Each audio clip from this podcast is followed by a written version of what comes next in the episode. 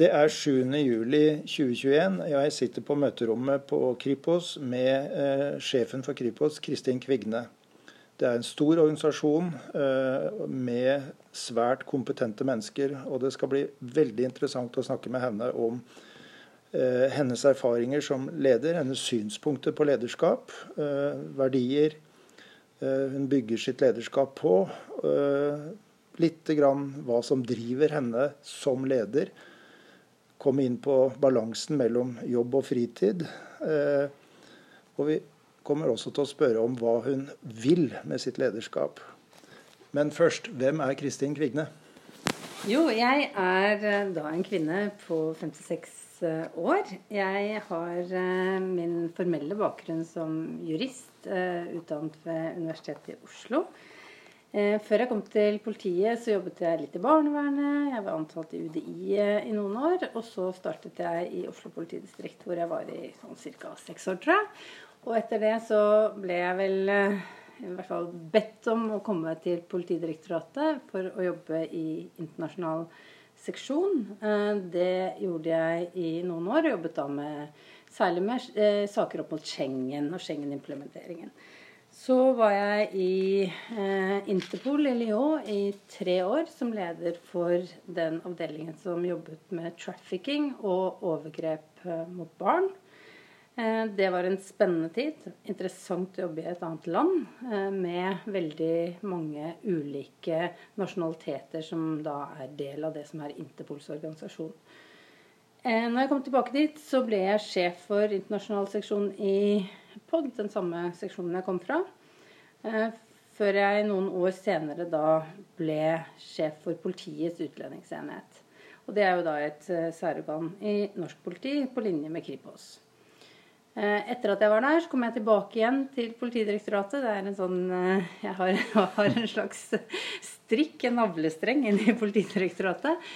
Kom tilbake igjen dit og var avdelingsdirektør og leder for politifagavdelingen før jeg var så heldig at jeg i fjor, eh, i eh, juni i 2020, kunne tiltre stillingen her som sjef Kripos.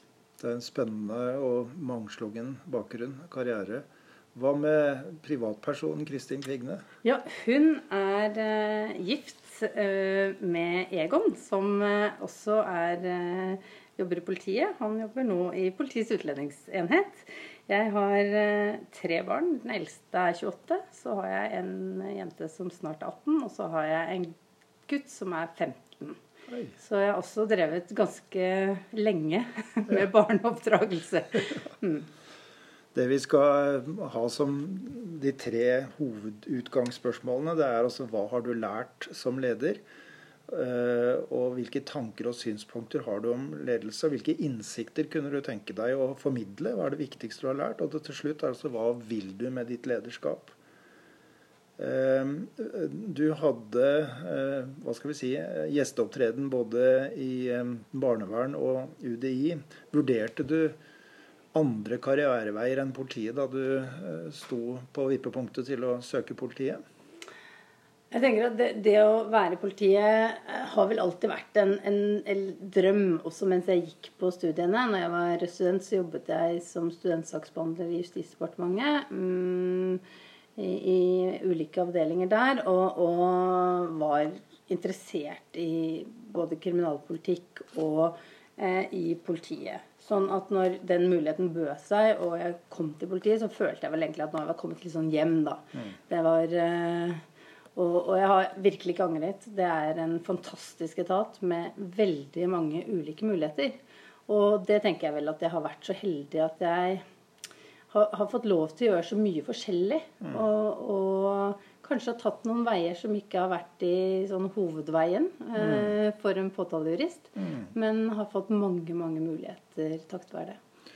Ved siden av eh, si, den profesjonelle Kristin Kvigne, så har du vært inne på den den eh, private. Eh, er du også en av de kvinnene som tar morgenbad eh, i sjøen hele året?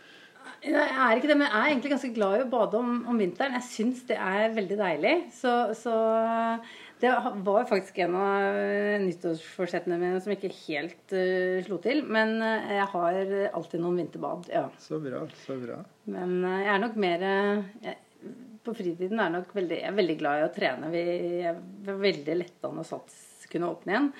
Eh, og jeg er også veldig glad i å eh, ri på hest. Ja. Det er eh, en, en, stor og flott hobby jeg har. Mm. Leser du noen bøker? Jeg leser ganske mye bøker. Ja. Det gjør jeg. jeg Hvilke sjanger er du interessert i? Nesten litt sånn alt. Jeg, jeg, kan både lese skjønnlitteratur, men også faglitteratur. Jeg mm. syns det er kjempespennende å lese gode biografier. Og jeg syns også det er spennende å lese litt sånn kanskje aktuell politisk eh, litteratur. Mm. Eh, akkurat nå så har jeg lest en del bøker om utviklingen av Kina. Ok, mm. Det betyr at du er samfunnsinteressert og ser betydningen av å være orientert mot samfunnet, som Kripos er en del av og skal betjene? Ja, det tenker jeg. Jeg tenker det er nesten helt nødvendig hvis du skal være leder egentlig nesten hvor som helst i offentlig sektor. At du mm. har en interesse for samfunnet rundt oss. Mm. Vi må vite litt om Kripos, for lederskap det foregår jo alltid i en kontekst. Nå har du jo sagt at eh, vi er i politiet, åpenbart. Kripos er et særorgan. Fortell oss litt om Kripos. om hva dere jobber med, hvilket ansvar, rolle, hvor stor organisasjonen osv. osv. Ja, eh, Kripos er jo en stor organisasjon. Eh, og også en, en, organisasjon med stor eh, Med lang eh, Hva skal man si driftstid i norsk politi. Eh, vi er eh, Vår rolle er jo å etterforske innenfor organisert og annen alvorlig kriminalitet. Det, det følger av påtaleinstruksen.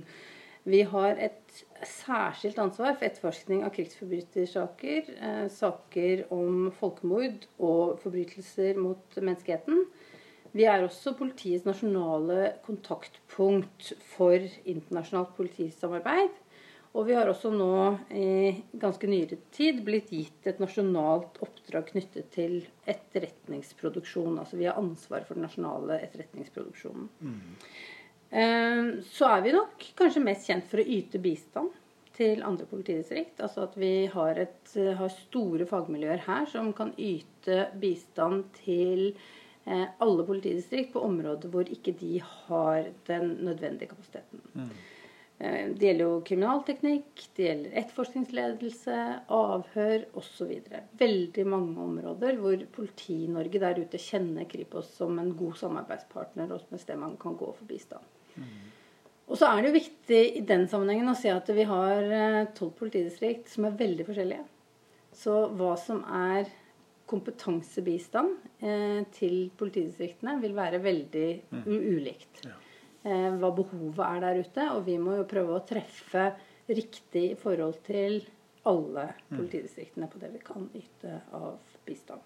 Hvor stor er organisasjonen antall mennesker? Nå er vi snart 700 medarbeidere. Oi.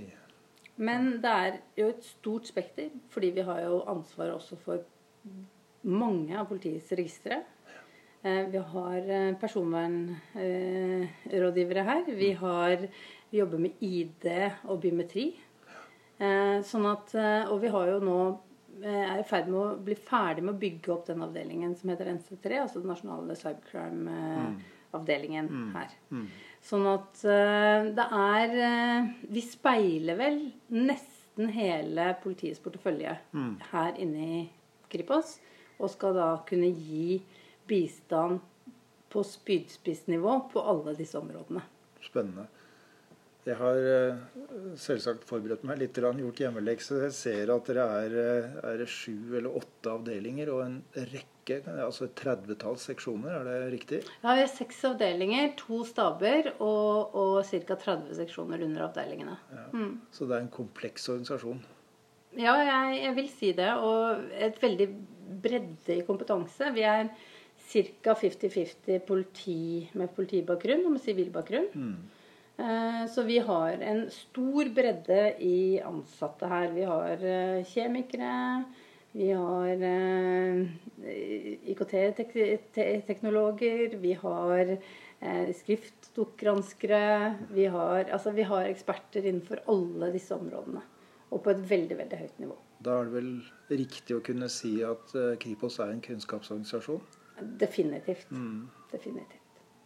Det gir også et perspektiv på ledelse, både i organisasjonen som sådan, men også de ekspertene som, som er her på alle mulige områder. Hva er det som kjennetegner Kripos som organisasjon? Ja, jeg tenker jo at um, jeg, jeg, tror, jeg, tror, det er mange som har det litt som jeg har det. At selv nå, selv etter at jeg, jeg har begynt å jobbe her, og selv, selv nå når jeg er sjef på Kripos Hvis jeg hører på radioen eh, om en eller annen straffesak, og så hører jeg Kripos er koblet eh, inn i saken, så får jeg litt sånn lavere skuldre med en gang. Mm. Jeg tenker at å, da ordner det seg. Mm. Så jeg tror den, den, eh, den tryggheten man har for at man har et veldig kompetent særorgan mm. i norsk politi, den, det tror jeg er det som kjennetegner Kripos. Og det vil jo også si at vi har veldig høy kvalitet på det vi leverer herfra. Mm. Så, og det vil jeg si er et merke for Kripos og Kripos-ansatte, og noe som, som er av stor verdi for denne organisasjonen. Apropos verdier. altså Organisasjonskultur er jo et begrep mm. som vi har lært oss å bruke i politiet i de senere årene. Hvilke verdier er denne organisasjonen impregnert av? Mm. Jeg tenker nettopp det. Jeg tenker kvalitet. Jeg ja. tenker at det er, det er liksom et sånn gjennomgående ord. Og så er det jo også klart at det, det er jo også noe som vi som organisasjon også hele tiden må utfordre. Mm. For, for kvalitet er jo Eh, det er jo mange ting som ligger i kvalitet. Mm. Eh, og også å utfordre litt dette med godt nok. Mm. Som kan være veldig forskjellig på forskjellige områder, hva som er godt nok. Eh, og klare å disponere våre totale ressurser på en måte som gjør at vi både holder den jevne, høye, gode kvaliteten, men også klarer å gjøre nok saker. Ja, så da, siden, da, setter du meg på sporet av begrepet effektivitet. Da. Mm. Så vil du si at både kvalitet og effektivitet er verdier som uh, er viktige i Kripos? Ja, jeg, i, hvert fall er de viktige for meg som leder. Og de er mm. viktige å balansere uh, her. Og jeg tenker at uh, det å, det å forvalte den rammen vi har, på en god måte, mm. det er i hvert fall en ledelses oppgave. Mm. Hva med begrepet rettssikkerhet? Jo, rettssikkerhet tenker jeg ligger i dette med kvalitet. For mm. innenfor kvalitet så ligger det også dette at vi, vi, jo forvalter rettssikkerheten i alle de sakene vi er inne i. Mm. Både mm. om det er eh, på kriminalteknisk side, om det er i etterforskningsledelse, eh, eller om det er knytta til å fastsette identitet. Mm. Så er det akkurat det samme. Det er rettssikkerhet.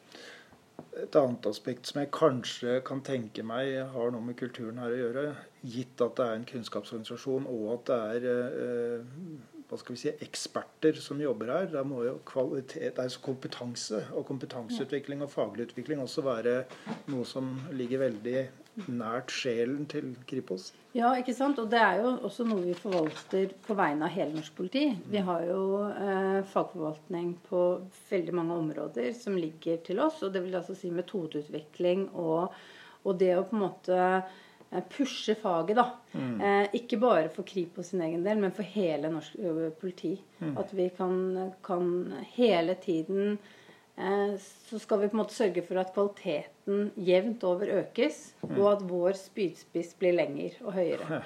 Godt bilde. Hvis du skulle sammenligne eh, Kripos med, med andre eh, tilsvarende organer i land vi ellers sammenligner oss med, hvordan ligger Kripos an der? Men jeg tenker vel at norsk politi generelt ligger godt an. Ja. Eh, jeg, jeg, jeg, tror det. Og så tenker jeg at det betyr jo ikke at vi ikke har noe å lære av andre land. Og det betyr heller ikke at vi på en måte er fullendte på noe som helst vis. Men jeg tror at vi gjennom altså alt fra utdannelsen, altså hvordan vi har valgt å sette opp politiutdannelsen vår, hvordan vi har valgt å, å rekruttere eh, og foredle den fagkompetansen videre etter at folk blir ansatt, mm. Eh, det, det, gjør at vi, vi, holder en jevnt høy kvalitet. Og, og, Kripos mener jeg også holder høy kvalitet eh, internasjonalt. Vi holder På enkelte områder så er vi helt, helt i verdenstoppen. Mm. Og det er jo også litt av den valutaen vi bruker mm. når vi jobber internasjonalt. Ja.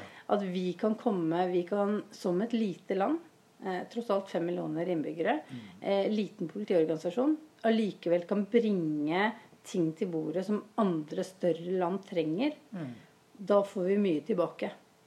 Vi har sett det bl.a. nå i en nyere tid med disse sakene knyttet til disse krypterte kommunikasjonsplattformene.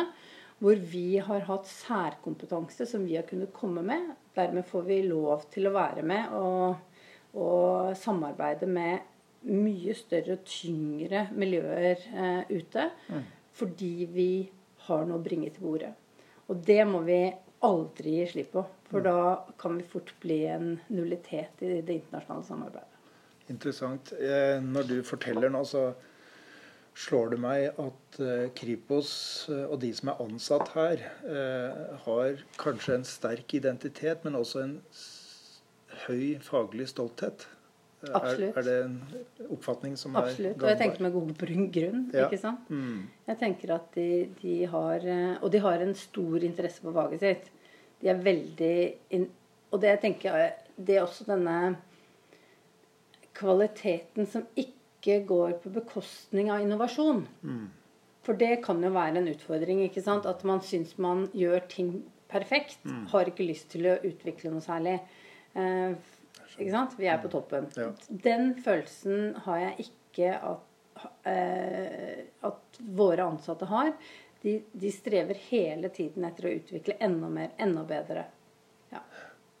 Jeg kjenner igjen det. Jeg har hatt gleden av eh, ved to anledninger og hatt fagansvar for utdanninger her. Og jeg har mm. hatt veldig mange fra Kripos på ulike mm. lederutdanninger. og eh, det er tydelige, dyktige mennesker, men de har også en faglig ydmykhet knytta mm. til læring som mm. jeg syns er helt spesiell.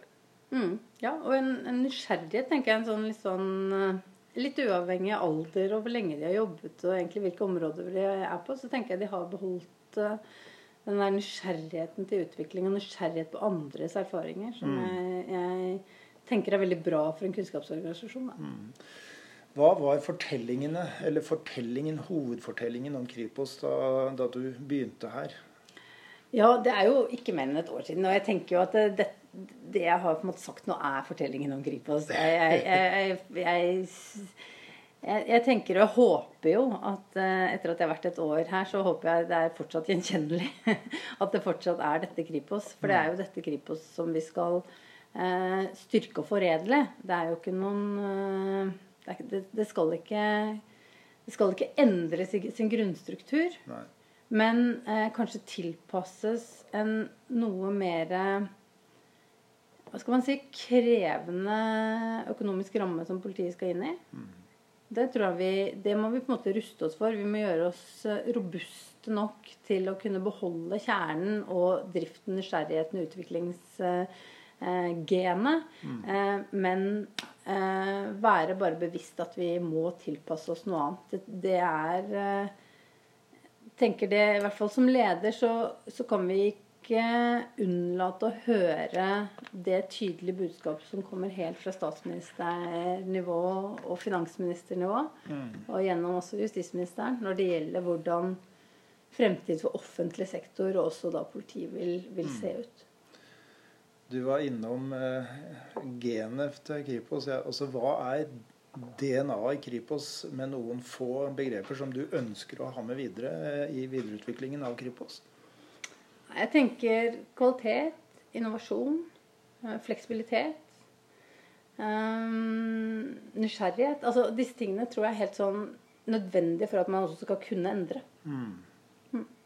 Har du tatt noen eh, ledelses- eller styringsmessige grep i løpet av det året du har vært uh, sjef her? Det har jo vært et rart år, må jeg bare si. For det har jo vært uh, pandemi mm. fra jeg startet, og, og, er det jo fortsatt.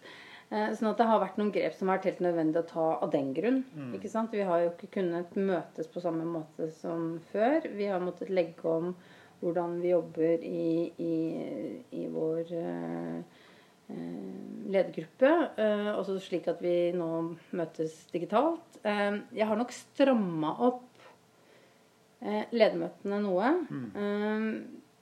Jeg er veldig opptatt av at vi skal få ut underlagsinformasjon til de ulike avdelingene, sånn at de kan jobbe godt med det i avdelingene og komme tilbake igjen til ledergruppa for en god diskusjon i ledergruppa.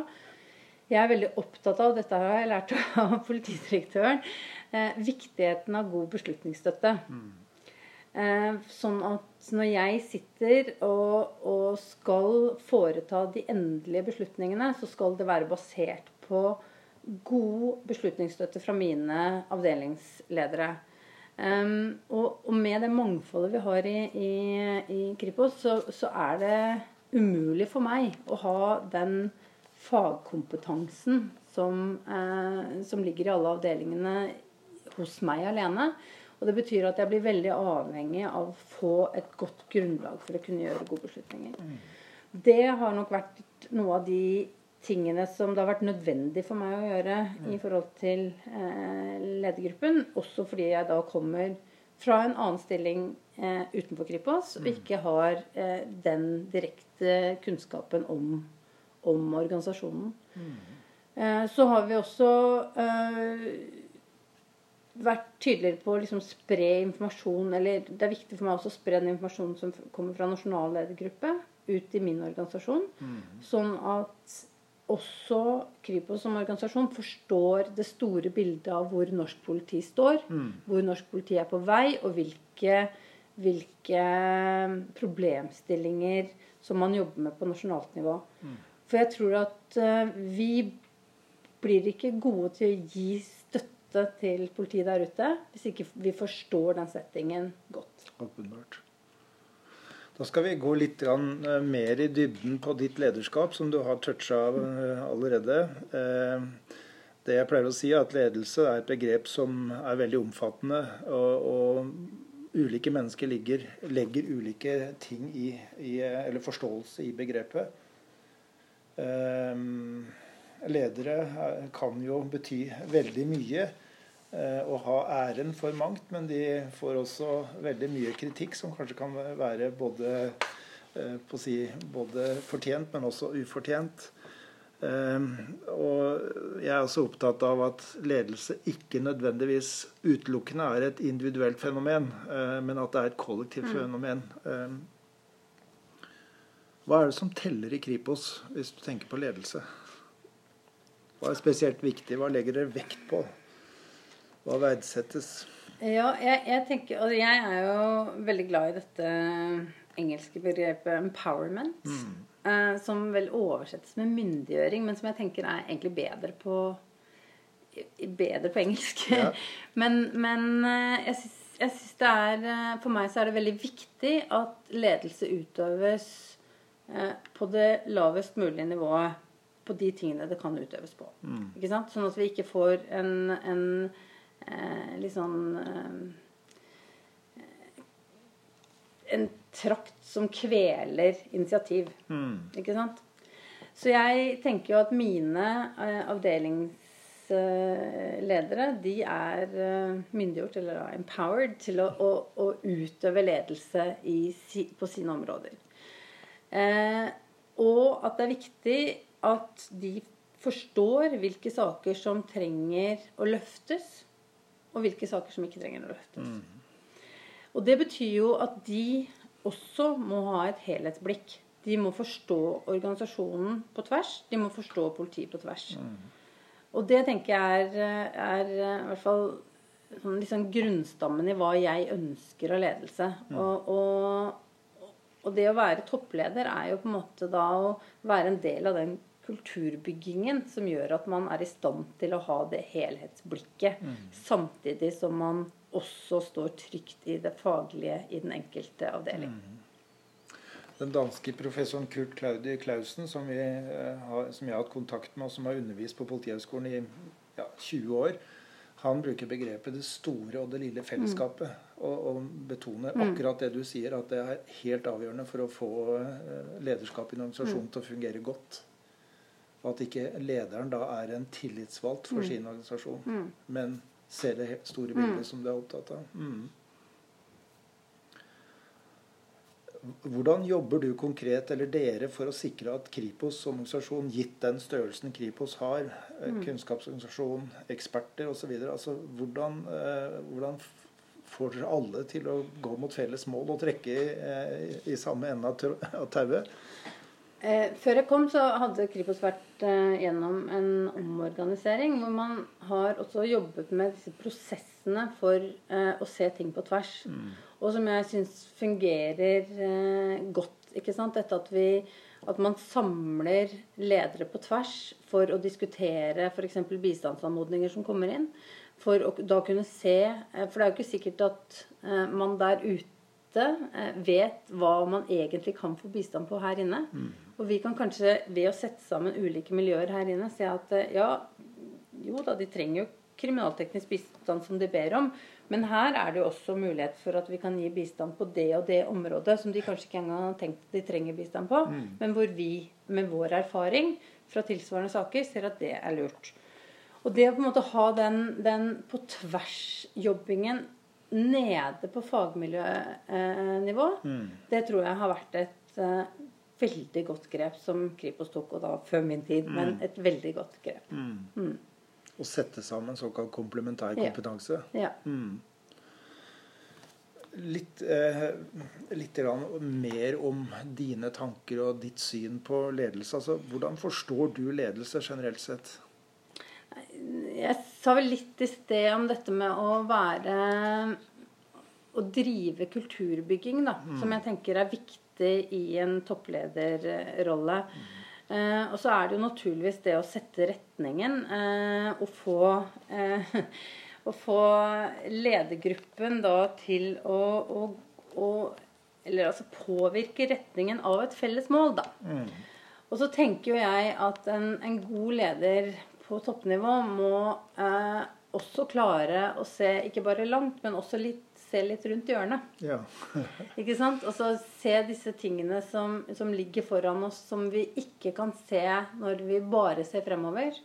Eh, men hvor vi må ha et kunnskap eh, på det litt eh, blindfeltet vårt. ja. Og det å ha evne til å skaffe seg den, den bredden i, i, i syn, da. ja. Og det tror jeg man kan gjøre gjennom å ikke bare ha nettverk innenfor egen etat. Eh, Det tror jeg man kan gjøre gjennom jeg tror det, det, Vi begynte jo litt å snakke om det. Hva er det du hører på hva er det du hører på radioen? Hva er det du leser av bøker? Hvem er det du snakker med? Eh, hvor bredt er du på en måte interessert i å gå som leder, da? Og det tror jeg Jeg tror at for å være en effektiv leder, så bør det være innenfor interessefeltet ditt. Ja. Spennende. Det er mange som, eh, som bruker begrepet 'god leder', og, og si det er for meg relativt innholdstomt. Men jeg tenker god ledelse handler om kanskje de klassiske dydene. Det å være hel ved og et ordentlig menneske og være glad i mennesker. Eh, å ha en slags eh, verdiplattform og en slags filosofi for sitt lederskap. Det tenker jeg er en god ledelse. Og at du ser mennesker, og at du er interessert osv. Men effektivt lederskap, eh, det er et eller annet med å, å bruke de midlene man har på best mulig måte for å nå noen mål. Så, så go- godt og effektivt lederskap, det tenker jeg det er det ledere må strekke seg etter. Og jeg hører at du gjør det. Eh, På måten du tenker på og, eh, og måten du på en måte konstruerer ditt lederskap. Når er du føler sjøl at du utøver ledelse? Jeg tenker at når jeg klarer å legge til rette for at eh, de flinke folka som er her, får brukt sitt potensial på noe som gir en effekt for samfunnet De gangene jeg tenker at vi, vi på en måte klarer å være både en Kripos eh, Hva skal man si En, en, en Kripos-stemme inn i, i politiet. Men også klarer å sette Kripos sitt eh, Hva skal man si store kunnskapsorganisasjon eh, organisasjon da, inn i noe som skal gi noe ekstra for samfunnet. Eh, jeg, jeg, jeg syns eh, Jeg må si at rent sånn fagmessig så er jeg er det noen ting som jeg er særskilt opptatt av. Det ene er den organiserte kriminaliteten. Eh, jeg kjenner at det gir meg uro. Ikke fordi vi nødvendigvis er i en situasjon i Norge nå hvor eh, eh, organisert kriminalitet har infisert oss. Men for, at vi ikke skal komme i den situasjonen, så tenker jeg at det kommer ikke gratis. Eh, og da eh, kan jeg av og til bli litt bekymret over at vi kan bli litt nærsynte når det gjelder kriminalitetsbekjempelse. At vi kan være litt opptatt av de tingene som er hva skal man si, de lave fruktene. Plukke dem. Eh, Eh, og unnlater å se det store og kanskje litt sånn nitidige arbeidet som må til for at vi skal holde Norge på det nivået det er nå i forhold til den organiserte kriminaliteten. Vi vet, altså vår trusselvurdering viser at vi er et interessant område for eh, organisert kriminalitet. Eh, vi har en mulighet til å stanse det. Mm. jeg kjenner at for meg så blir det veldig viktig at vi bruker den muligheten godt nå. Mm. Det kan være for seint om fem år. Ja. Og når jeg kommer gjennom med denne type tenkning og argumentasjon, mm. da føler jeg at jeg utøver god ledelse på vegne av Kripos. Også fordi jeg vet at jeg har en organisasjon i ryggen som faktisk kan gjøre noe faktisk med det. Mm. Hva er de viktigste verdiene som du har i din grunnmur for ditt lederskap? Nei, vi har vel vært litt sånn innom det. Jeg, jeg tenker jo at jeg i bunn og grunn er eh, Jeg tenker at det å være leder i politiet, da det er, en, det er en oppgave som på en måte innebærer mer enn en normalledelse. Og det, det, dette vil jo sikkert folk som jobber som leder i sykehus også si. Og det, det tenker jeg, og det er kanskje nettopp det. Mm. At man har den derre brennende engasjementet for sitt område. Mm. Hvor jeg syns at det å være leder i politiet betyr at du er med å sikre borgerne. Du er med å sikre den samfunnsstrukturen vi har. Eh, og at mine verdier for ledelse ligger mye i det. Mm. Det er knytta til det konkrete samfunnsoppdraget som politiet har? Veldig tett knyttet til samfunnsoppdraget, ja. ja. Mm. Og, og, og, jeg tenker jo at uh, i den daglige ledelsen, det å være på en måte en leder som både er uh, solid, uh, troverdig, rettferdig, mm. transparent mm. Disse tingene tenker jeg er helt nødvendige. Men de er nødvendige for å oppnå det målet som ligger i vår oppgave. Da. Mm, og da, da, vil jeg si at her si, demonstrerer du at ledelse skjer i en kontekst. Mm. Det er ikke noe som eh, en, en, funksjon eller en praksis som er løsrevet fra noe. Mm. Du kobler det til Kripos, og du kobler det til samfunnet som mm. helhet. Ja, interessant. Går det an å si at eh, eller går det an eh, å stille spørsmål er det noe som særpreger ledelse i og av Kripos, hvis du sammenligner med, med politiet for øvrig? Jeg tror, jeg tror, etter hvert at det er veldig mange deler av politiet som, som er ganske ligner altså Det å lede kunnskapsmedarbeidere tror jeg nok er det gjelder for hele politiet. Det er, noe, det er, noe, eh, det er kanskje kunnskapsmedarbeidere på et annet nivå her. Men, men det er eh, like fullt kunnskapsmedarbeidere i, i, i, politiet som helhet. Um, så, så, så tenker jeg kanskje at det som er litt mer eh, spesielt med å være leder i Kripos, er at eh, blikket hele tiden må være litt videre. Ikke sant? Altså, den politimesteren der ute skal primært se på sitt eget geografiske ja. område. Eh, mitt geografiske område er ikke eh, Det er definert som hele Norge, og det er faktisk definert langt utenfor Norges grenser også. Mm. Sånn at det er nok det spesielle. Det at du Kanskje det, dette helhetsblikket som, som, er et krav til en leder på Kripos. Så jeg prøver å, eh, på å si, oppsummere sånn foreløpig. Da, så snakker du om det, viktige, det, det særpregede er både et eh, konkret eksternt blikk, mm. både mot samfunnet og utenfor landets grenser. Og internt så er det snakk om en kunnskapsorganisasjon med kunnskapsmedarbeidere som, eh, som virkelig skal mm. levere. Mm. Og, og, du har også vært inne på de verdier som du legger vekt på i ditt lederskap. Mm. Hvordan har du jobbet, og hvordan jobber du for å utvikle deg selv som leder? Uh, ja, jeg har jo jeg har noe formell uh, lederkompetanse. Bl.a. Uh, topplederkurs på Politihøgskolen. Uh, og jeg har gått også for sjefskurs til Forsvarets høgskole. Og, og, har også en diploma fra en School of Government i, i UK. Mm. Eh, og så Men, men eh, det er jo ikke den, den supertunge eh, akademiske lederbakgrunnen jeg har. Si ikke det. Si ikke det. men, men, eh, men, det er eh, Men jeg, jeg syns det er interessant Jeg synes det er interessant å diskutere med andre ledere eh, i og utenfor etaten. Og jeg har også, er så heldig at jeg er i en liten gruppe med andre politiledere som møtes med en mentor. et par ganger i året. Mm. Og vi diskuterer eh, tematikk omkring ledelse. Mm. Det, er et, eh, det, er veldig, det, er et, veldig, bra påfyll. Eh, det er, det er en, av og til en ensom jobb å mm. være toppleder. Og det å på en måte ha et sted hvor man kan i fortrolighet snakke om både svakheter og sårbarheter og få litt hjelp mm. Eh, er veldig Det, syns jeg er en veldig styrke. Mm. Hvordan jobber dere med ledelse i ledergruppa for Kripos?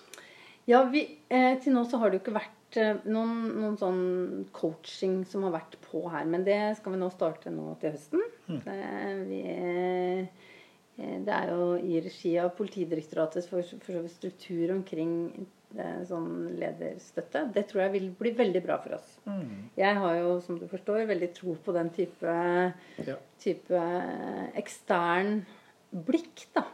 Eh, det å på en måte bli sett litt utenfra. Det å kanskje ta ut eh, konkrete problemstillinger, gjøre de litt mer generelle, og så diskutere omkring dem sammen, noen som har erfaring fra litt ulike steder. Mm. Eh, som jo ofte coacher har. Det syns jeg eh, er spennende, berikende, og jeg håper at det vil resten av ledergruppa mi også synes er bra. Vi har et møtepunkt i 2013, da du gikk topplederprogrammet. Ja. Og da fikk jeg ansvaret for å lage en studietur til Holland. Ja. Og vi besøkte, eller hadde besøk av toppledelsen i Royal Dutch eh, Shell. Mm. Eh, og de fortalte hvordan de jobba med ledelse, og det ligner veldig på hva du mm. eh, forteller om nå. Fordi at de hadde hatt programmer med utdanning osv., men de hadde gått over til å sette problemstillinger og diskutere mm. det konkret mm. i ledergruppa, og mm. syns da, mener jeg å huske, at de hadde et veldig stort mm. utbytte av det. Morsomt. Ja, da kan du se. Jeg har lært litt av det. Smale akademiske leder. Hvordan balanserer du på å si hverdagsledelse, daglig drift, med strategisk ledelse og litt mer sånn lengre tidslinjer og litt mm. videre perspektiver? Men jeg er jo interessert i Jeg tenker jeg er veldig interessert i virksomhetsstyring, altså. Jeg, jeg må si det. Jeg syns uh, jeg syns det er eh, både utfordrende og gøy å se hvor mye vi kan få til innenfor de rammene vi får. Altså oppdraget vårt fra resultatavtalen vi får fra Politidirektoratet, sett sammen med tildelingsbrevene fra departementet og, og Riksadvokatens uh, føringer, uh, og budsjettene våre. Altså det å på en måte jobbe og liksom få liksom jobba inn disse tingene, syns jeg er kjempespennende. Jeg, jeg, blir virkelig, jeg, blir virkelig, stimulert av virksomhetsstyring. Og det høres jo litt rart ut, men kanskje. Men, men jeg syns det er så Og det er så sentralt, fordi at det danner på en måte hele basisen for at faget skal kunne få lov til å utvikle seg. Mm. Hvis ikke vi gjør virksomhetsstyringen på en ordentlig måte, da kveler vi faget. Ja. Sånn at uh, det er, uh, dette er på en måte Det å ha god økonomistyring, f.eks. Mm. Helt sentralt for at vi skal gjennom et år skal kunne bruke pengene på en riktig og god måte. Så helt mm. kort og dagligdags sagt, det du eh, brenner for og syns er spennende, det er å koble mål og midler. Ja. ja og få, ja. få, til den beste balansen ja. der. Flott. Og på det litt sånn lengre perspektivet så syns jeg jo at det den jobben som man har gjort de siste årene med å få etterretning opp. Altså ikke bare denne operative etterretningen, men også dette strategiske etterretningsbildet opp i norsk politi. Det er viktig. Mm. Det er viktig for at vi skal sette retning ikke bare for eh, budsjettåret, Nei. men hvordan det skal se ut i årene fremover. Mm. Og det, det tror jeg Ja, vi er på langt nær ferdige der, men jeg tror de produktene vi kommer ut med nå, de er eh, særs eh, verdifulle for den strategiske styringen av norsk politi, og også vår evne til å snakke mot politisk ledelse på en måte som gjør at det blir enklere for politisk ledelse også å beslutte eh, fordelinger av, av eh, de store budsjettmidlene. Mm. Gå litt inn på rollen som sjef for Kripos. Ja. Hva gjør, eh, hva gjør en Kripos-sjef? Hvordan ser en dag, eh, typisk arbeidsdag ut? Kanskje en typisk arbeidsuke? Men det er jo det som er litt morsomt med å være sjef for Kripos. er at det, det er ingen typisk arbeidsdag, og det er ingen typisk arbeidsuke. Jeg har jo noen sånne faste møtepunkter, naturligvis, altså hvor ledergruppen møtes og sånne ting som det. Men ellers så er det ganske Det er ganske det er veldig variert, vil jeg si. Det er en, en stor variasjon både når det gjelder å, å konkrete saker, eh, virksomhetsstyringen Altså alle disse tingene vi, som vi jobber med for å få dette, denne maskinen til å funke. På å si slags, eh, jeg har i andre sammenhenger spurt ledere hvor, hvor mange timer jobber de i uka, og fått veldig mange svar fra i underkant av 40, og nå snakker jeg om toppledere i norsk politi, til eh, 60-70-80 timer. Mm. På å si, hvordan ligger eh, ja, Du har familie, du har barn, du har et privatliv. Ja, altså jeg, jeg, Nå har jeg hatt litt ulike roller også i norsk politi, og det har vært litt ulikt hvor mye mm, timer jeg har brukt. Jeg tror jeg har brukt alltid det spennet du har sagt her. eh, I de ulike jobbene. Nå tenker jeg at eh, jeg ligger på et eh, akseptabelt nivå. Jeg eh, er eh, Jeg, syns jo dette er veldig gøy. Så jeg, jeg tror ikke jeg teller så mye timer heller.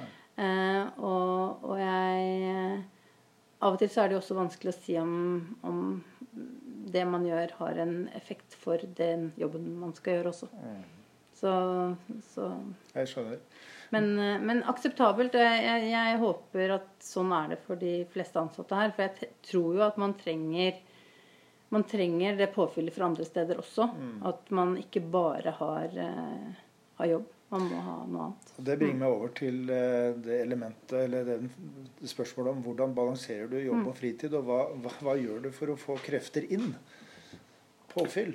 Ja, jeg sa vi litt om dette med trening og sånn, at det syns jeg er veldig fint. Jeg er glad for at denne pandemien ikke nå gjør at alle treningsstudier er stengt lenger. Eh, og så får jeg mye energi av Jeg driver med ridning og er, får masse energi av å være i stallen og på en måte være sammen med og samarbeide med noe som veier et tonn, og Ja. som løper veldig fort og kan hoppe veldig høyt. Det syns jeg er eh, utrolig spennende. Og da blir hodet helt tomt for andre ting. Ja.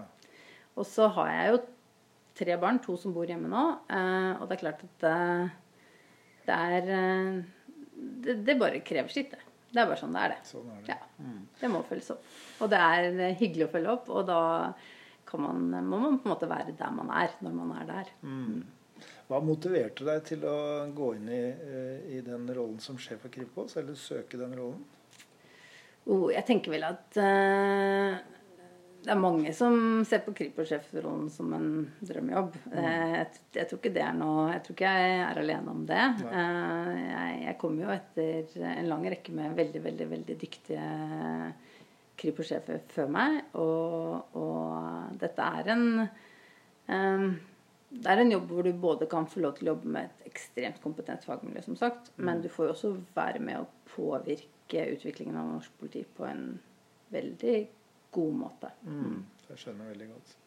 Var det noe som overraska deg da du kom inn som ny sjef i Kripos? Noe som jøss, liksom, Du hevde et øyebryn eller to?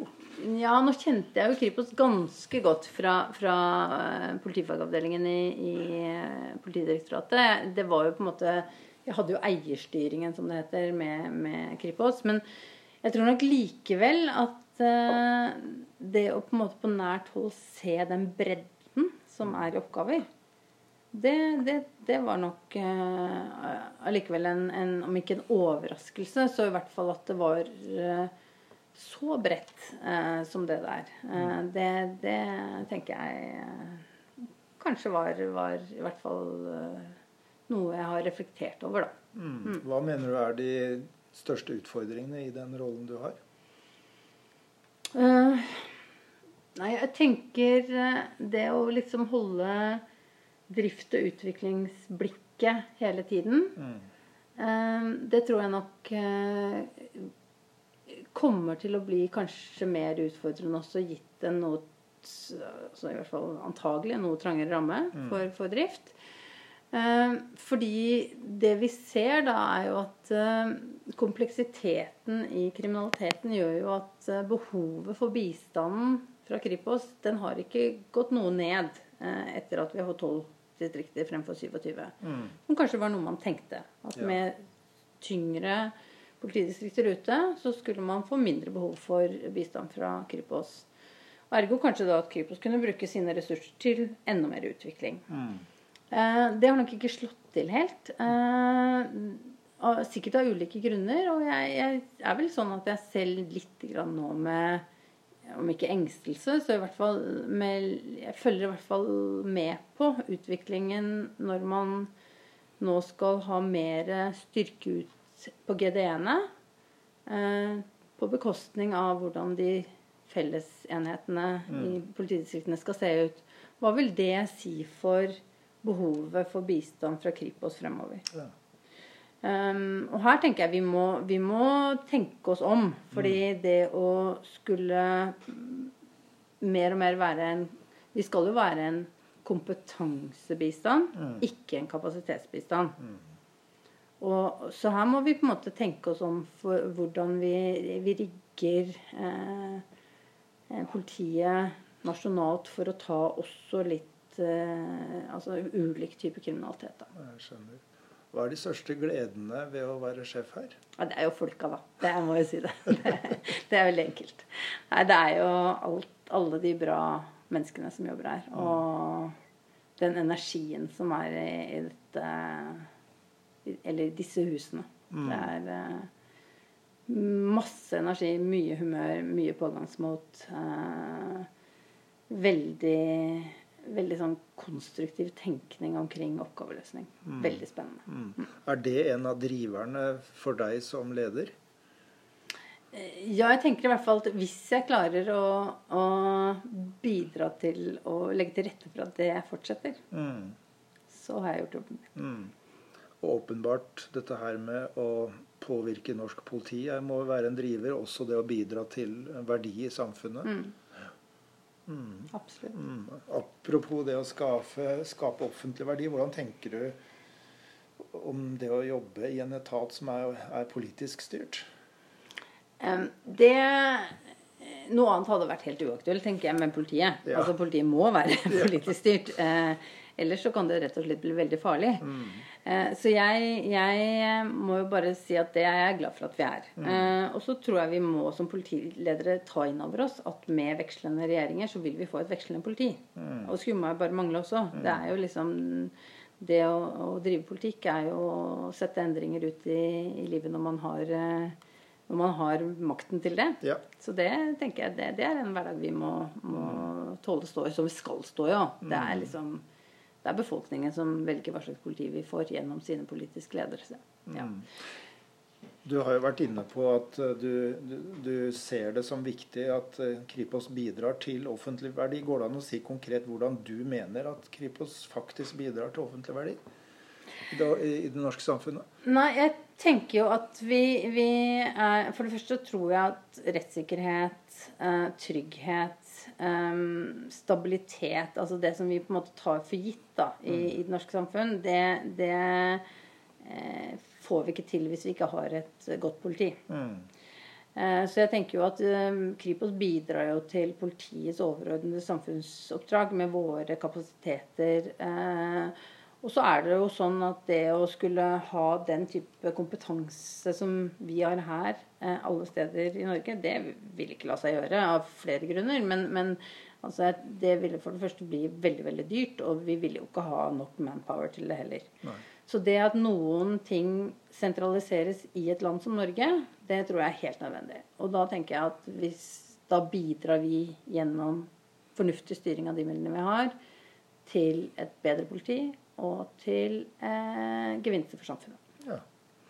Skal vi gå over til å snakke litt om Kripos og pandemien? Du har så vidt vært inne på det. Eh, altså, Hvordan har pandemien påvirka oppgaveløsningen deres, og hvordan dere har organisert måten å jobbe på? For oss så var det veldig viktig at vi eh, kunne beskytte noen miljøer her, eh, sånn at vi ikke risikerte smittespredning. Ikke sant? Eh, og, så de som har kunnet jobbe hjemmefra Kripos-ansatte, har jobbet hjemmefra. Og jeg tror også at det har vært en, en eh, eh, øyeåpner hvor mange som egentlig kunne gjøre jobben sin hjemmefra. Som trodde at de måtte være på jobben for å kunne gjøre det de gjør, men som faktisk kunne gjøre ting hjemmefra, gitt at man fikk den riktige IKT-støtten og de riktige verktøyene hjemme. Um, og så har det jo da vært viktig at de som må være her, for vi har jo mange laboratorier både, både på datateknisk side, men også, også på kriminalteknikk, eh, narkotikalaboratorier osv. osv. At vi må, der må folk være til stede. Og så måtte vi jobbe for å få liksom få opp eh, en kohortløsning knytta til det. Sånn at vi ikke risikerte at hele miljøet ble tatt ut hvis Ja. det ble smitte. Vi har vært veldig heldige. Vi har hatt veldig få tilfeller av eh, sykdom. Um, og vel eh, kanskje et tilfelle hvor man hadde smitte som skjedde på jobben. Eh, men ellers så har vi vært veldig heldige. Vi har hatt en usedvanlig dyktig HR-seksjon som har vært veldig ute med å både jobbe med smittesporing, med eh, nedvask, med alle disse tingene veldig raskt. Sånn at vi skulle liksom de få gangene vi har hatt smitte, klare å stanse det tidlig. Så har vi hatt en veldig lojal arbeidsstokk i forhold til det å holde seg borte fra jobben. Det å, å tenke at man er viktig at man også overholder de so reglene for sosial eh, distanse på fritiden. Sånn at vi har, har klart å holde folk friske. Og det har vært fint. Eh, så har vi oppdaget, tror jeg, at det er mye som kan gjøres digitalt. Ja. Og det håper jeg er læringer som vi kan ta med oss. Ikke sant? At vi er ikke sikkert vi må reise eh, på et møte i utlandet fire stykker. Eh, kanskje vi ikke trenger å reise i det hele tatt. Kanskje det, dette kan være et digitalt møte. Kanskje vi kan reise én og tre kan være med på digital eh, link. Kanskje, ikke sant? Altså, at det fins nye og annerledes måter å gjøre ting på. Eh, kanskje vi kan gi bistand digitalt eh, på, i større grad enn det vi har gjort til nå. Og Det har vært gjort til nå også, naturligvis, men, men i og med pandemien så har man jo blitt tvunget mer over på det, det digitale feltet. Og så samtidig så ser vi vel at det er ikke alle ting som kan gjøres digitalt. ikke sant? Det er, eh, det er eh, Ja, det er fint vi kan ha konferanser digitalt. Eh, fine med det er at vi får plass til mange, mange, mange, mange flere. Det dumme med det er at vi får ikke den eh, uformelle overføringen av kompetanse som skjer eh, under konferansen, men i pausene. Tror du at vi i politiet og Kripos klarer å se den betydningen eh, pandemien og håndteringen den har hatt for eh, hvordan vi jobber og hvordan vi samhandler? Så er det, eh, er det en hel rekke med store og små ting som til sammen gjør at det er en liten sånn eh, revolusjon eller reform vi har vært gjennom. Jeg tenker jo det, og jeg tenker jo at um, særlig kanskje knytta til hjemmekontor, som på en måte har vært litt sånn jeg vet ikke, har nesten vært litt sånn skambelagt med hjemmekontor. Og det har vært en, en slags uh, hengt noe sånn over det som ja ja, hjemmekontor med GJ. Uh, og, og nå er vi på et helt annet sted. For jeg ser jo at eh, effektiviteten, produksjonen, har ikke gått ned. Snarere tvert om. Kanskje kreativiteten har gått ned. Ja. Det er jo en, en tanke. ja. Eh, og kanskje eh, trivselen har gått ned. Og det er også en tanke som vi skal ha med oss videre. Så vi skal jo ikke, vi skal jo ikke hoppe på tenker jeg, og si at nå produktiviteten blir kjempebra, alle skal sitte hjemme alltid. Eh, men finne den balansen som passer den enkelte arbeidstaker mm. og arbeidsgiver. Tenker jeg. Mm. For jeg tror for mange så har det gitt en frihet også å være hjemme. Mm. En, en, mulighet til å kunne disponere dagen kanskje litt annerledes. Eh, kanskje mer effektivt.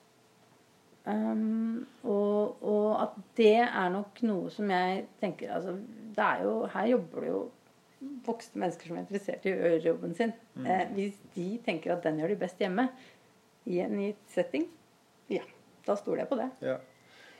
Jeg tenker at pandemien også har påvirket eh, ledelse. Altså på å si Hvordan vil du uh, enkelt si at leder, ledelse eller utøvelse av ledelse har endra seg pga. pandemien og håndteringen av den?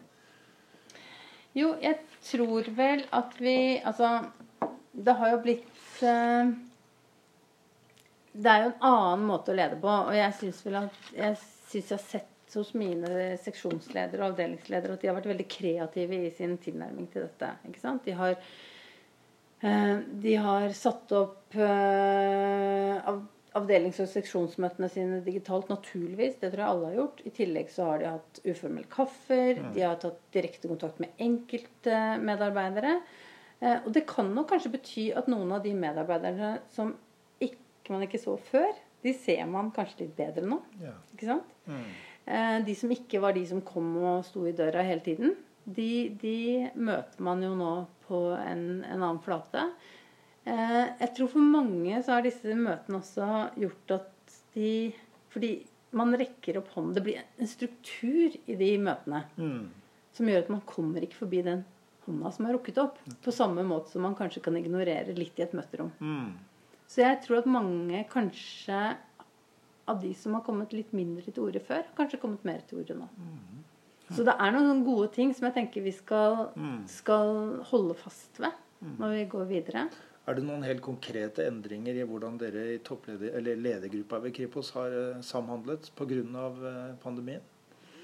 Eh, ja, altså Det er jo veldig annerledes å, å jobbe på den digitale måten. Det blir eh, ja, Det blir jo mer strukturert, kan man si. Et ledermøte blir langt mer mm. strukturert mm. digitalt. Det tror jeg de aller fleste opp, har opplevd. Mm. Um, og som sagt så, så, er det mye bra med det, og kanskje jeg, jeg tror at en del møter skal være sånn. Mm. Uh, men vi skal også ha de mer spontane arenaene. Mm. Fordi de spontane arenaene kanskje får opp ting som man ikke ville fått opp igjen den strukturen. Ja. Og som er viktig for for å kunne se hele bildet. Mm. Ja.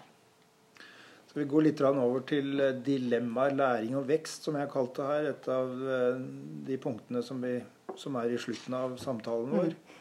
Mm. og jeg spørre først, Hvordan mener du at man blir en god toppleder i politiet? jeg tror det er mange veier dit, da. Eh, så jeg tror, tror, kanskje ikke det er sånn uh, one size fits all her. Um, men jeg tror at for å være toppleder i politiet, så bør man kjenne etaten. Det, det tror jeg nok.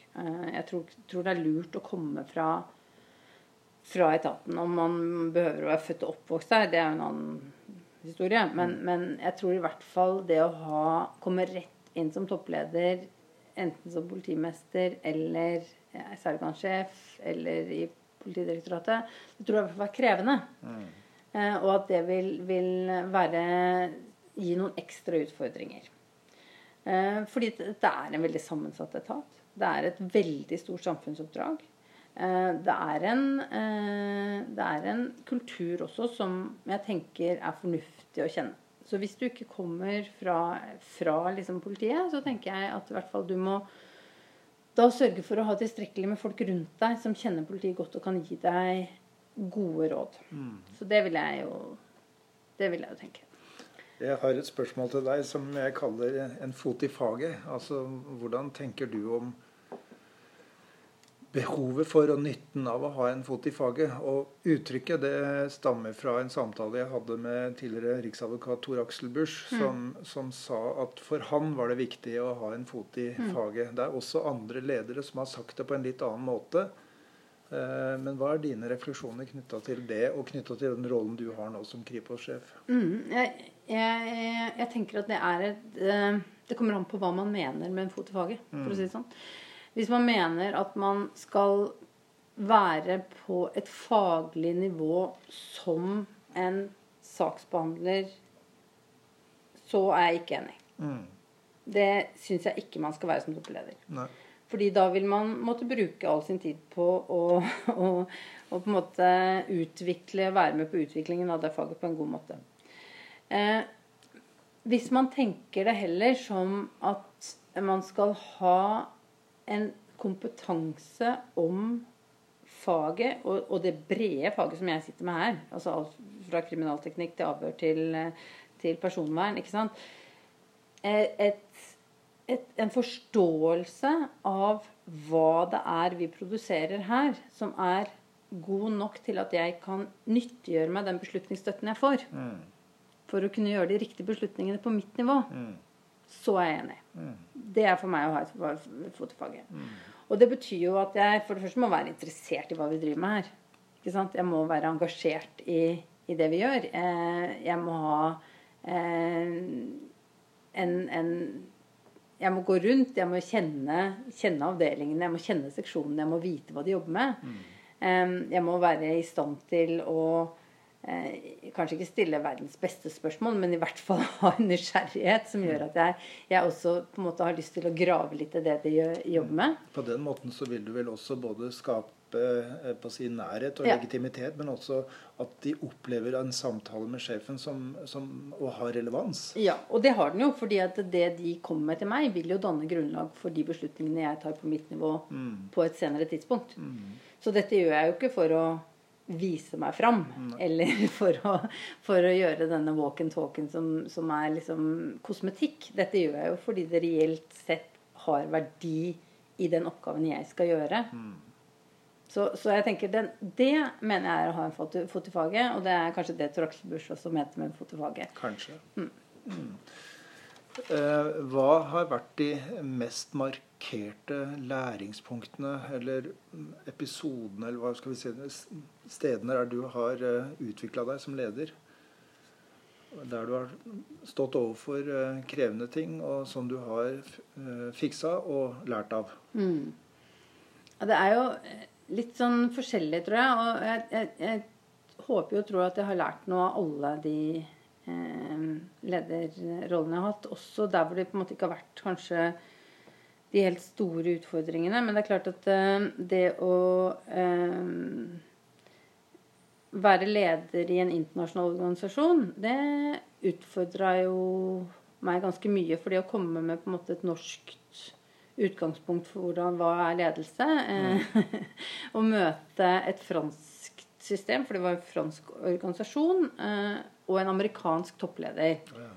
Og jeg hadde italiensk og japansk eh, og en lang rekke andre eh, nasjonaliteter i min, i min gruppe, altså, mm. som jeg ledet. Ja. Det tenker jeg, det er liksom sånn Det var en, det var en eh, I hvert fall en lekse i ydmykhet, om ikke annet. Mm. Eh, og hvor smart det er å vente litt. Mm. Og holde munn lite grann. Mm. Og se an ting. som leder. Eh, og så er det klart at det, jeg ledet PU når PU var eh, Når eh, flyktningkrisen var i 2015. For bare stoppe der. PU er politi ja, Politiets utlendingsenhet. Takk. Eh, så jeg ledet eh, PU da eh, i, i, under flyktningkrisen. Og det er klart at det å være en organisasjon som ikke var satt opp for å møte den hverdagen som bare skjedde over natta, mm. rett og slett fra en dag til en annen.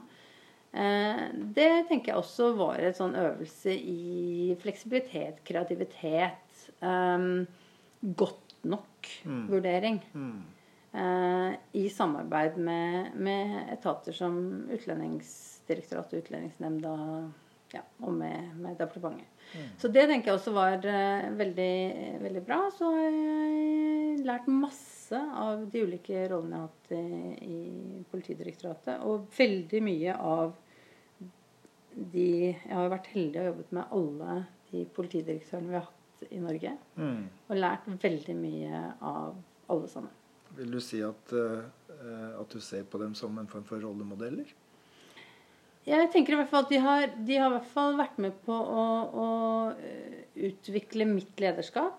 Um, jeg har, tenker at jeg har, har trukket noe fra alle, og prøver å bruke det på en måte som også passer med hvem jeg er, da. Mm. Så jeg tror ikke man skal duplisere noen andre, men prøve å være seg selv, men med lærdom fra andre. Mm. Interessant. Hva, hva slags lederskapsarbeid mener du gir mest motivasjon for ansatte? Du har vært inne på det eh, her, men hvis du skulle ta et ekstrakt av en sånn Jeg tenker jo tillitsbasert ledelse. Helt nødvendig. mm. Det er liksom for Altså, det er jo ikke noe morsomt. Det skal jo være Uansett hvor alvorlig den jobben du har, og hvor, hvor på en måte hvor mye Hva skal man si Så skal det jo være morsomt og interessant å jobbe. Mm. Det, vi bruker mye tid på jobben. Vi skal på en måte utvikle oss selv, vi skal utvikle faget vårt, vi skal gjøre de tingene. Og, og hvis man ikke opplever å få tillit til å gjøre det, så tenker jeg da er det ikke spesielt gøy. Nei. Og da blir man ikke spesielt motivert. Nei. Det, det, så jeg tror det, det å ha tillit fra overordnede er helt sentralt. Og så tenker jeg at man også, når man velger å bli leder, om det er på seksjonsnivå eller på, på avdelingsledernivå, eller hva som helst, så skal man få lov til å lede òg. Mm. Det skal være det, det, det er en del av rollen din. Du skal få du, Som jeg snakket om i stad, dette med empowerment. Du skal få lov til å lede innenfor ditt område. Mm. Det skal ikke være sånn at alt skal bestemmes på en topp. Den, Så da, da forstår jeg det sånn at det er både tillitsbasert ledelse, men også en delegerende form for ledelse. Mm. Ja. Og at du stoler på dine medarbeidere. Og at du ser ledelse som, eh, som noe som er et fellesskap, som skal fungere på både i, si, i vertikalen og horisontalen. Ja, og jeg tenker at den, den liksom gam, gamle lederen da, som kunne alt, som hadde alle svarene, som, som på en måte kommanderte sine folk, da, det, den tenker jeg Vi har jo forlatt den, Ja. håper jeg. Og så tenker jeg at når vi skal bygge morgendagens ledere, som da ikke Så skal de heller ikke bli som meg. De skal bli mye bedre. Nei, Så bra. Det, og det skal jeg prøve å hjelpe til med. Mm. Du har så vidt eh, ved flere anledninger i den samtalen vi har hatt, så har du pekt på de strategiske utfordringene som eh, Kripos står overfor. Du har pekt på organisert kriminalitet, du har pekt på eh, litt trangere budsjetter, og at det er eh, prioriteringer som, eh, som kan være krevende. Hva er de viktigste beslutningene du og ledergruppa står overfor nå de nærmeste årene?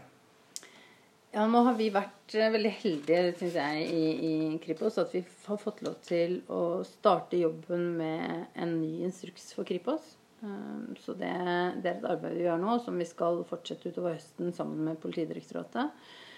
Eh, Og jeg tenker at I den sammenhengen så er det så viktig for oss å nå involvere politidistriktene eh, også i dette med hva slags Kripos er det de ønsker seg. Hva slags Kripos er det politidistriktene tenker er nødvendig at vi skal ha. Og så ligger det nok noen sånne eh, helt sånn grunnting som, som vi må gjøre. ikke sant? Altså Det som går på det internasjonale samarbeidet.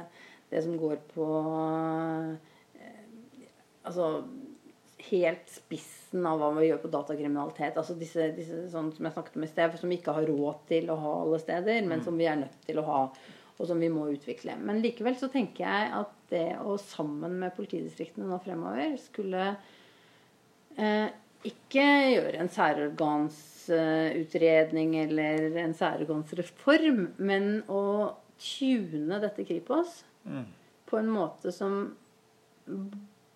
Sånn at vi alle er klar over hvilke forventninger som ligger til oss, men også hvilke muligheter som vi har.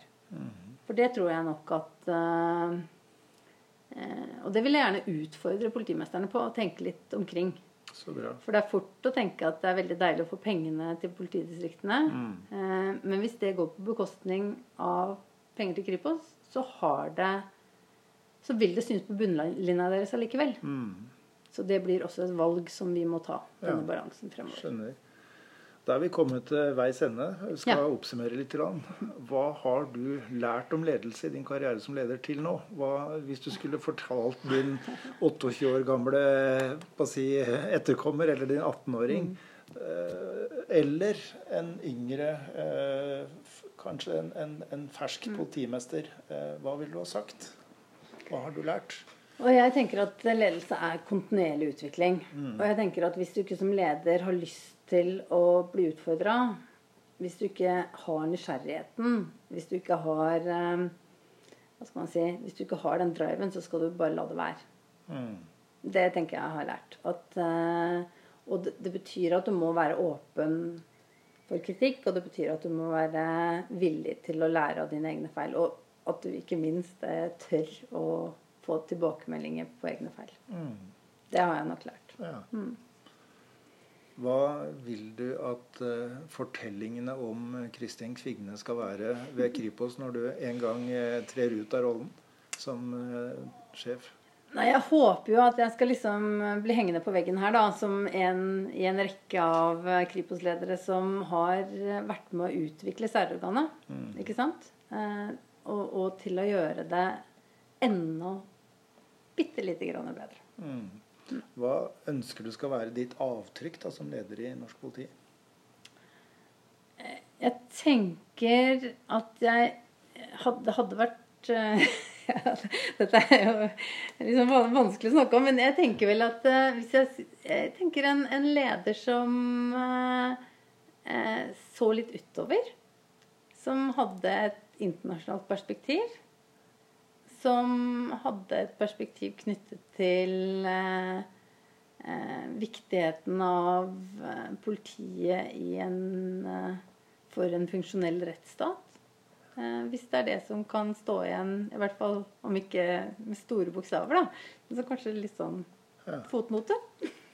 Det hadde vært fint. Det var et veldig fint, fint avtrykk, vil jeg si. Mm. Tusen takk for en interessant og god samtale. Bare hyggelig.